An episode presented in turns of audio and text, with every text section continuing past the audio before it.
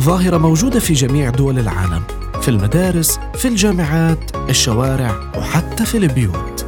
التنمر. ظاهرة بيفكر فيها المتنمر عليه إنه أقل من الكل وغير مرحب فيه بالمكان. وتأثير التنمر عليه ما بيكون لحظي بل بيستمر وبيزيد مع مرور السنوات.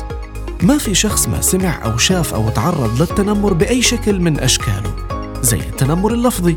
اللي بيقوم فيه شخص بإيذاء شخص آخر بالكلام وبطريقة مباشرة مثل السخرية وإطلاق الألقاب والتهديد أو التنمر النفسي زي الهمس والنظرات السيئة.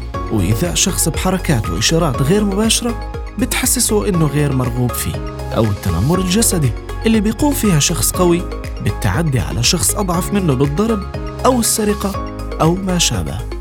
أما عن آخر نوع واللي منتشر حاليا بشكل كبير بين جميع فئات المجتمع وهو التنمر الإلكتروني اللي بيتمثل بالتعليقات السيئة أو التشهير عبر الإنترنت.